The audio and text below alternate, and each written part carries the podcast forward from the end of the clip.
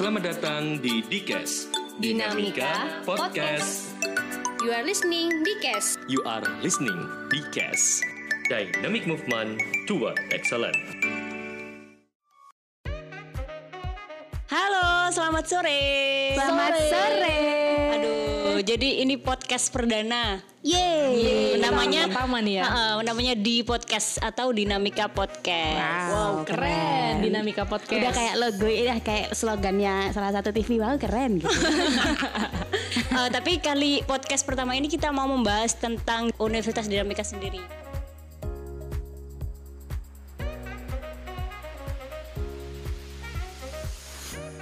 Eh, siang ini kita kedatangan dua narasumber. Eh, mungkin bisa dikenalkan dulu. Halo, namaku Ayuvi Ponawardani di Dinamika Universitas ini sebagai dosen di prodi S1 Sistem Informasi. Oke, dan satunya Halo, selamat siang semuanya. Nama saya Carla Siska. Saya di bagian marketingnya Undika. Jadi sore ini kita mau membahas tentang dinamika dari Penmaru dan juga salah satu dosen di Universitas Dinamika. Ini dulu nih, eh, saya kasih tahu tentang acara di Natalis Best ini, Bu. Jadi tema yang kami ambil tuh Spirit of Movement. Oke. Ya, Spirit of Movement. Jadi Oke. gimana di tengah pandemi ini yang membuat kita harus di rumah aja, mahasiswa dan eh, segala kegiatan harus diminimalisir ya. Itu kita harus tetap kreatif gitu. Bu. Oke. Gimana, gimana Bu menurut Ibu dan juga Mbak Kalra? Spirit of movement nggak harus dalam masa yang sekarang ini sih. Maksudnya dalam keadaan kayak nggak menyenangkan di virus corona kayak gini tapi di segala kehidupan kita tuh kita harus jadi perubahan sih. Gitu ya setiap orang itu pasti ada belajarnya ada berubahnya jadi lebih baik lagi gitu kan. Apalagi di situasi yang sekarang ini memang kita harus dituntut nih untuk melakukan sesuatu yang beda kayak biasanya. Yang biasanya kita bisa ketemu sama orang eh, apalagi di bulan puasa kayak gini biasanya kan kita kumpul-kumpul ya kayak Iya. habis eh, buka puasa ngabuburit kumpul sama teman-teman bagi-bagi takjil sekarang nggak bisa. Gimana caranya tetap bisa produktif? Ya mungkin dengan diadakannya kayak podcast gini juga bisa kan?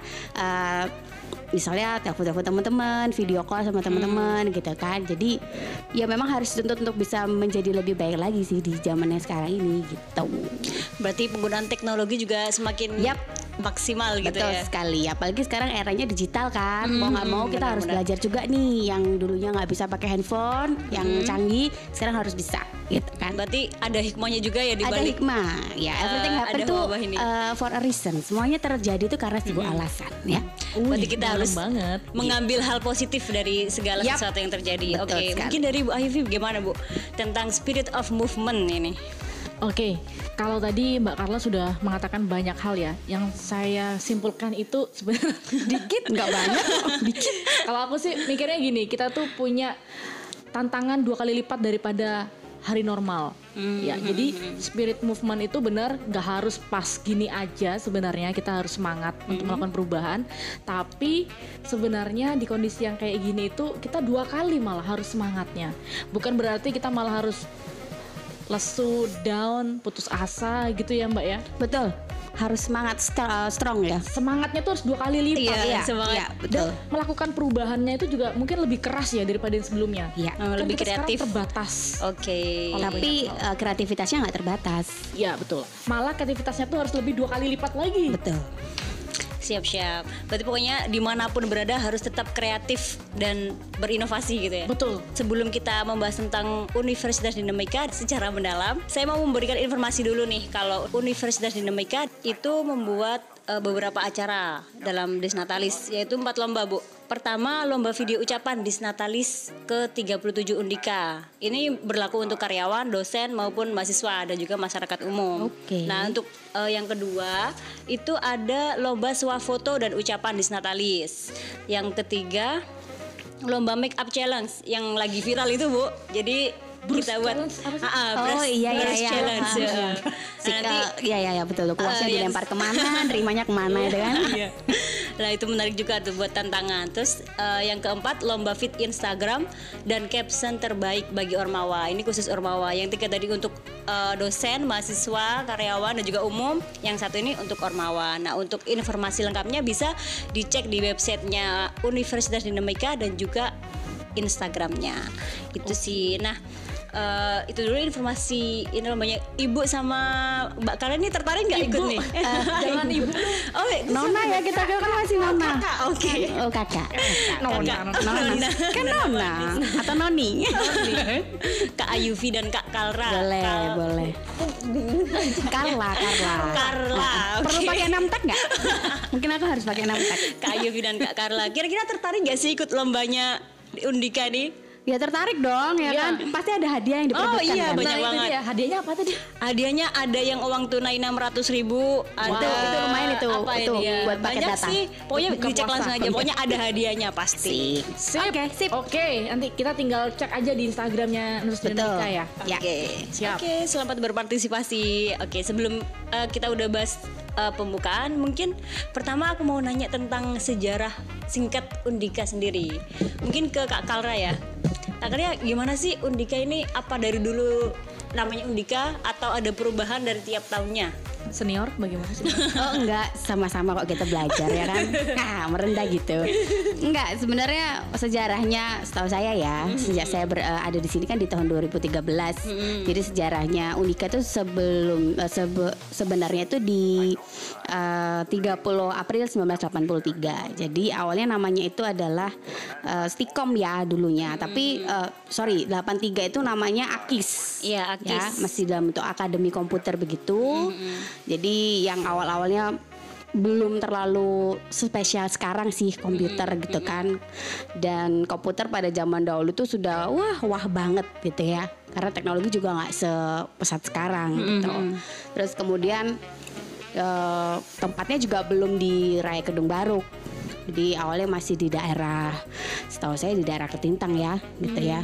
Koreksi ya kalau salah ya, nggak apa-apa loh ini yang senior senior di, di di sekeliling saya ya. Kutisari. Ketintang Kutisari baru Kedung Baru. Iya benar Ketintang. Waktu itu saya belum lahir kan masih muda. ya. Oke. Kan ini kan saya jauh setahu saya gitu kan. Jadi itu uh, ada di Kutisari uh, di Ketintang Kutisari. Kemudian di tahun 99 udah baru pindah ke sini di Kedung Barok ini kan. Gitu. Jadi namanya udah Stikom. Jadi uh, dulu namanya adalah Sekolah Tinggi Manajemen dan Informatika Surabaya. Jadi fokusnya memang hanya di komputer aja. Gitu kan bertahan terus kemudian sampai di tahun 2013 itu atau 14 berubah jadi institut. Jadi Institut Bisnis dan Informatika Stikom Surabaya. Jadi kalau dulu sekolah tinggi fokusnya mungkin hanya di uh, satu bidang, tapi kalau institut boleh nambah nih jurusan-jurusan yang lainnya. Kemudian akhirnya uh, ingin jadi lebih baik lagi, mahasiswa juga pengen tambah banyak kan kayak sekarang gitu kan. Oh, nah, kemudian jadilah Universitas Dinamika yang dulunya adalah Stikom Surabaya. Gitu. Dan terakhir perubahannya tahun 2019 ya kak? Ya 2019 itu jadi universitas. Oke. Marketing banget. Jadi Ya. itu ya dari Memang, memang saya didik kayak gitu, dididik untuk untuk menjual Stikom Surabaya atau Undika. Produk knowledge-nya dapat banget. Harus harus harus tahu, harus tahu ya. Tapi emang ini ya eh, apa ya kalau mendengar kata Stikom atau Undika itu mengarah ke teknologi gitu ya. Iya, dulunya memang terkenalnya adalah teknologi. Pokoknya kalau kuliah komputer yang bagus cuma di Stikom, yang lainnya lewat. Gitu. Nggak cuma dulu mbak sampai sekarang Sampai teknologi. sekarang juga, iya benar emang gitu. Tapi sekarang ada jurusan yang baru dong, jangan Iya. salah. Oh, Iya. ekonomi Iya dan bisnis. ekonomi dan bisnis itu juga bagus apalagi yang mata kuliah kewirausahaan ya kan dosennya Oh, ada di banyak- sebelah saya banyak. ya kan Wirausaha. By the way saya FTI. oh, sih. Salah deh. oh salah ya Aduh. ya Oke lah, berarti- koreksi dikit eh, lah Tapi ngomong-ngomong eh, awalnya kan emang teknologi aja. Nah ini menambah ke ekonomi dan bisnis. Itu tahun berapa ya mbak ya? itu kalau nggak salah di tahun 2000 berapa ya? 14an kalau nggak salah ya itu Eh, moga aja bener ya kalau nggak salah sih kayak gitu jadi ada jurusan fakultas ekonomi bisnis itu ada akuntansi sama manajemen gitu Berarti masih enam tahunan itu ya? ya Tapi ngomong-ngomong untuk teknologi sendiri, Kak Kalra itu jurusan apa aja sih yang ada di sini? Kalau di Undika atau dulunya Stikom Surabaya itu jurusannya ada 9, fakultasnya itu ada dua. Hmm. Ini disebutin nih satu-satu nih. Ya apa-apa singkat aja. Singkat ya. Pokoknya yang fakultas teknologi informatika itu ada sistem informasi S1, S1 eh, kemudian ada teknik komputer, kemudian ada desain komunikasi uh, visual DKV. Kemudian ada D4 produksi film dan TV. Ada juga D3 sistem informasi itu yang FTI. Kemudian berikutnya ada FEB itu ada fakultas eh sorry ada jurusan akuntansi. Lalu ada S1 manajemen sama D3 administrasi perkantoran. Oke. Hafal saya. Uh, 100 Oh, berarti mungkin jurusan-jurusan ini udah cukup lengkap kalau misalnya jur- eh, teknologi gitu ya kak ya? Ya, betul. Oke, selanjutnya kita ke Kak Ayuvi. Mungkin eh, dari dosen FTI ya, Kak Ya, Ayuvi. betul. Nah, mungkin bisa di ini sih dilihat dari sisi eh, udah berapa tahun Kak BTW? Saya masuk. Max maksud saya masuk tahun 2015 bulan September tanggal 1. Oh, wow. sedetail itu ya. Hafal ya? Hafal banget. Iya. Oke, mungkin bisa diceritakan tentang pengalamannya sih selama tiga tahunan ya, hampir eh, Empat tahun. empat tahun. Hampir lima tahun. Ah, itu di kan itu berarti sempat eh, at- di Stikom, maksud itu masih Masih masih bentuk eh, Stikom hingga menjadi universitas. Mungkin bisa dijelaskan tentang eh, apa ya pengalamannya selama ini. Pengalaman saya masuk di Institut Bisnis ya.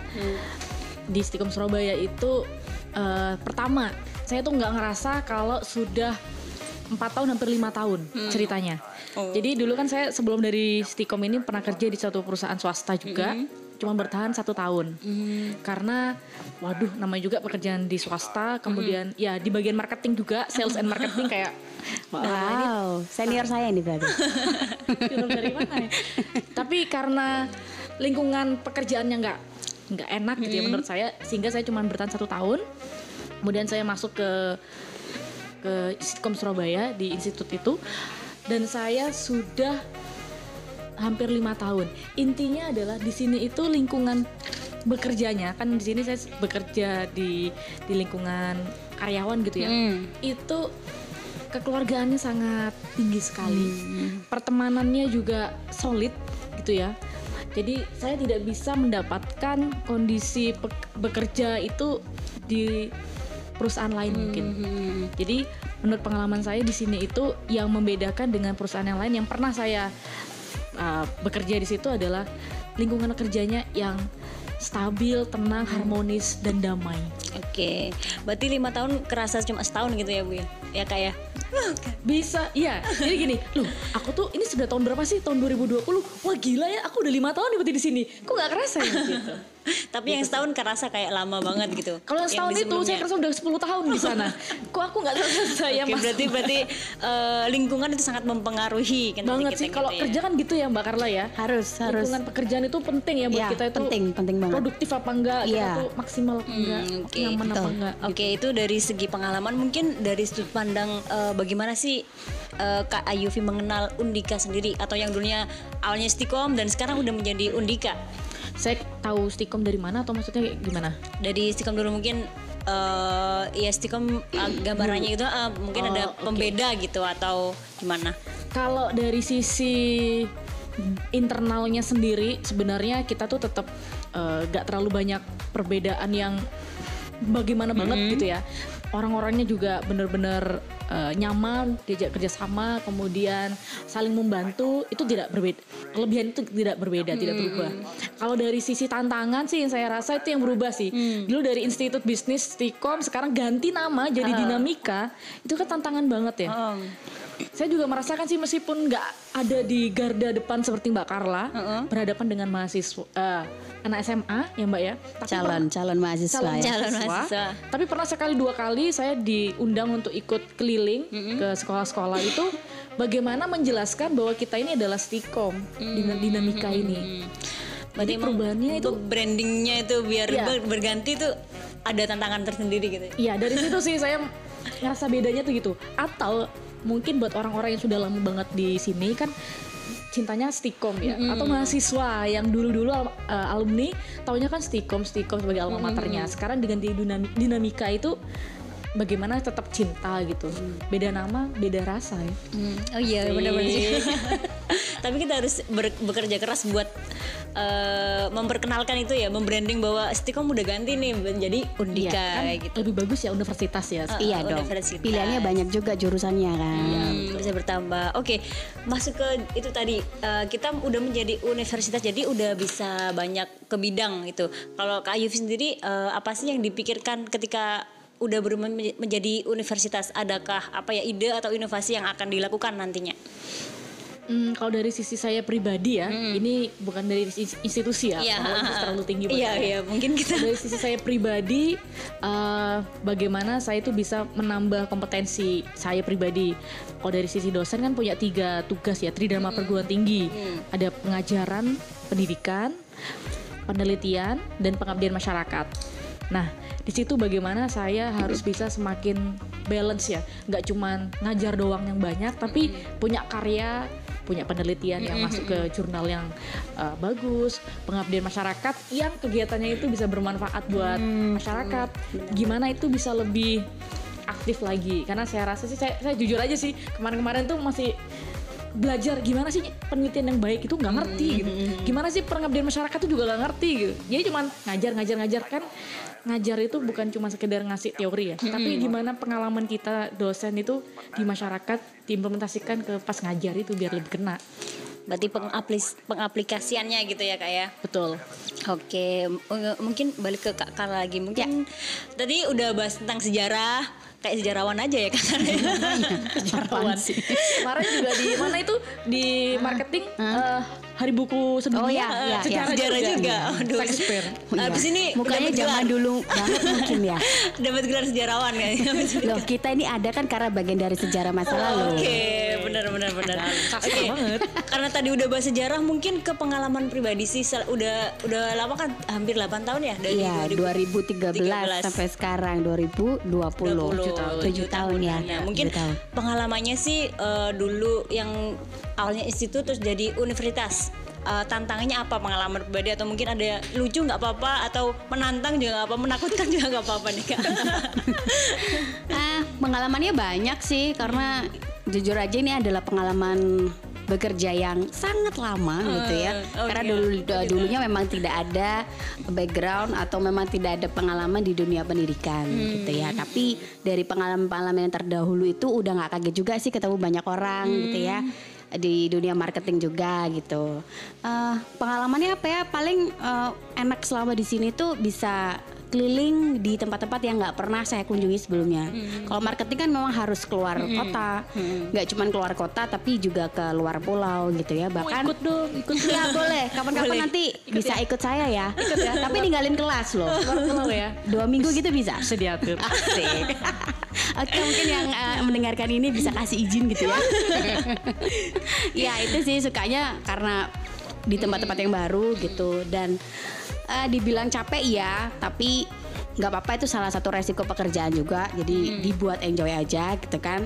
Eh, pernah waktu itu kerja itu dalam satu bulan keluar kota terus keluar pulau lebih tepatnya. Jadi cuman singgah di rumah tuh cuman satu malam aja. Jadi misalnya kalau saya pulang hari Jumat malam gitu ya, hari Sabtunya atau Minggunya saya harus balik lagi gitu, pergi ke tempat mana misalnya, ke daerah mana. Gitu. Berarti garda paling depan di Undika Ya, jadi jadi memang eh, keluar masuk bandara udah bukan hal yang asing lagi gitu ya. Aduh, Kalau udah dulu, biasa. iya kalau dulu orang, waduh naik pesawat tuh sesuatu yang wah gitu ya. Tapi puji Tuhannya saya dikasih kesempatan gitu selama di Undika. Jadi Berarti terima udah biasa kasih aja. gitu ya.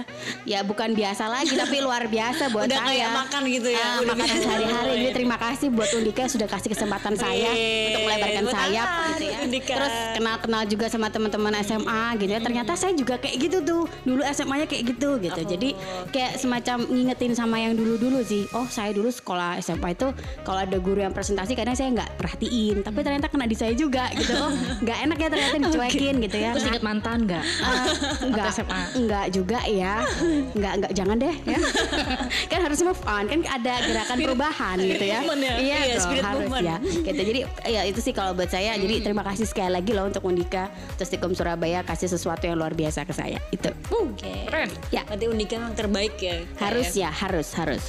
Oke, kita udah bahas sejarah pengalaman Uda. Mungkin kita beropini tentang namanya dulu ya kak ya. Soalnya ke mana-mana nih. eh, saya juga misalnya ditanya eh, di mana nih kerjanya Undika. Masih ada yang nggak tahu. Oh dulunya Stikom baru. Oh alah itu. Jadi eh, gimana sih kalau dari Kak Kalra sama Kak Yufi sendiri tentang penamaan itu? eh, susah banget gak sih kita membranding orang-orang yang dulunya Stikom sekarang udah jadi Undika kayak gitu. Gimana menurut? Harusnya nih menjawab tim marketing. Oh gitu ya. Sebagai garda depan gitu kan. Tentara perang. Oh gitu ya. Tapi mungkin Kak Yufi punya teori atau apa gitu. teori. Mungkin harusnya eh, dari mata kuliah nih punya eh, produk apa kita bisa nih dimanfaatkan kayak gitu Ya, ya, betul, ya? betul, betul. Oke, saya akan berpikir dulu. Silakan Mbak Carla dulu. Satu jam kemudian. Oke, ini Stikom gimana ini eh, brandingnya udah kuat banget di masyarakat Stikom gitu. Eh, setiap perubahan tuh pasti ada resikonya masing-masing, ya. Ada positif dan juga negatifnya. Tapi setiap perubahan itu pasti sudah dibicarakan lebih dalam, sudah dalam proses yang juga lama, gitu ya. Kenapa harus berubah? Kenapa harus ganti? Itu pasti semuanya juga ada alasan. Seperti yang saya sudah bilang dari eh, awal ya, everything happen itu eh, Ada hikmahnya. Ya, ada ada hikmatnya, ada alasannya. Kalau dibilang susah iya, kalau dibilang eh, nggak susah ya nggak juga, gitu ya.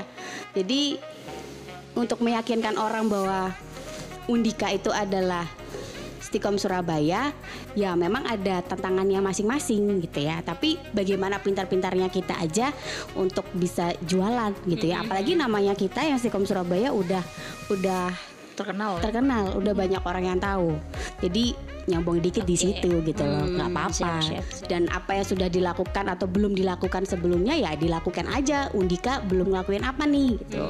Ya misalnya iklan kayak gitu ya, atau semacam bikin podcast kayak gini ini juga salah satu promosi juga Ah, kan. promosi. Atau bikin iklan di media-media yang lainnya nggak masalah juga gitu. Jadi selalu berpikir positif aja lah. Harus selalu semangat.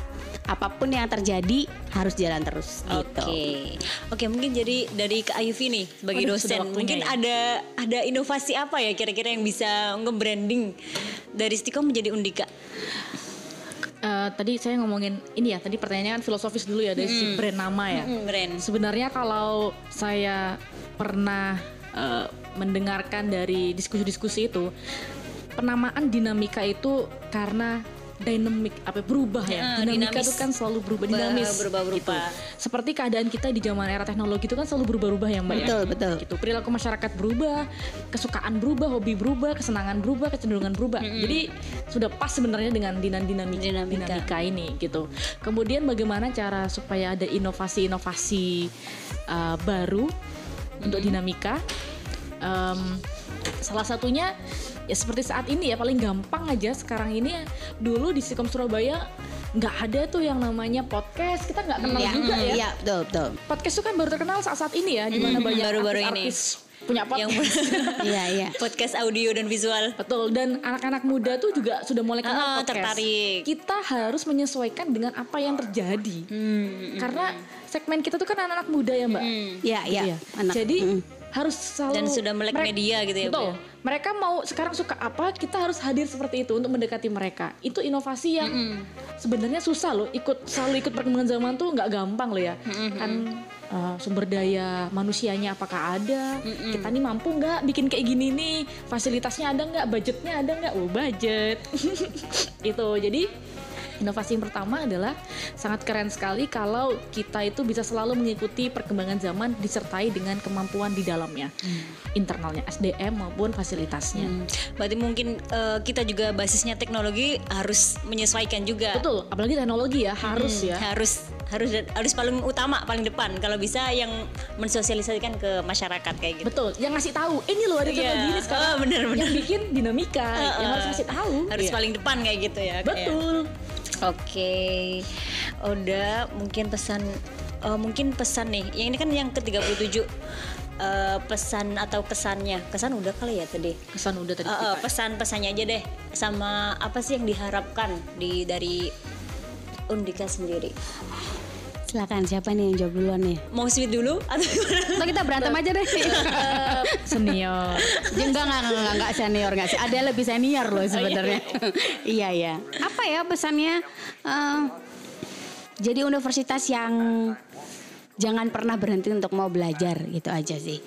Karena persaingannya tuh makin lama kan makin banyak. Hmm, bener. Mau belajar aja satu sama lain, tetap down to earth, jangan pernah sombong menjadi sebuah universitas. Eh, tetap membumi itu aja sih. Ya. Oke. harus peka terhadap eh, lingkungan gitu juga ya. Ya, ya. Tuh. Oke untuk Ivy gimana nih Kalau kesannya? saya pesannya sis- dari sisi internal harus tetap kompak ya. Betul. Harus tetap solid orang-orangnya. Sip. Karena kalau satu jalan satu nggak jalan itu tetap akan pincang. Jadi tantangan kita semakin besar jadi universitas, maka pesannya adalah tetap kompak, bikinlah lingkungan pekerjaan yang bikin orang itu Nyaman. bekerja dengan nyaman, produktif, ikhlas bekerjanya, total. Dan Ya, kita itu. semakin maju. Itu itu susah, tapi itu Iya. pesannya sih. Oke. Oke. Terus kompak untuk kita semua agar bisa mencapai semua yang diinginkan. Sebelum kita penutupan, eh, kita mengucapkan selamat ulang tahun dulu kepada Oh, iya. universitas tercinta kita. Boleh. Selamat ulang tahun. Yang ke-37 37 tahun. untuk Universitas Unemika. Iya. Semoga Jaya jaya, selalu. dan sukses. Sukses. Amin. Oke, terima kasih atas waktunya. Terima kasih. Sama-sama. Semoga kita jumpa di podcast selanjutnya ya. Siap. Oke. Oke. Bye bye. Oke, bye bye.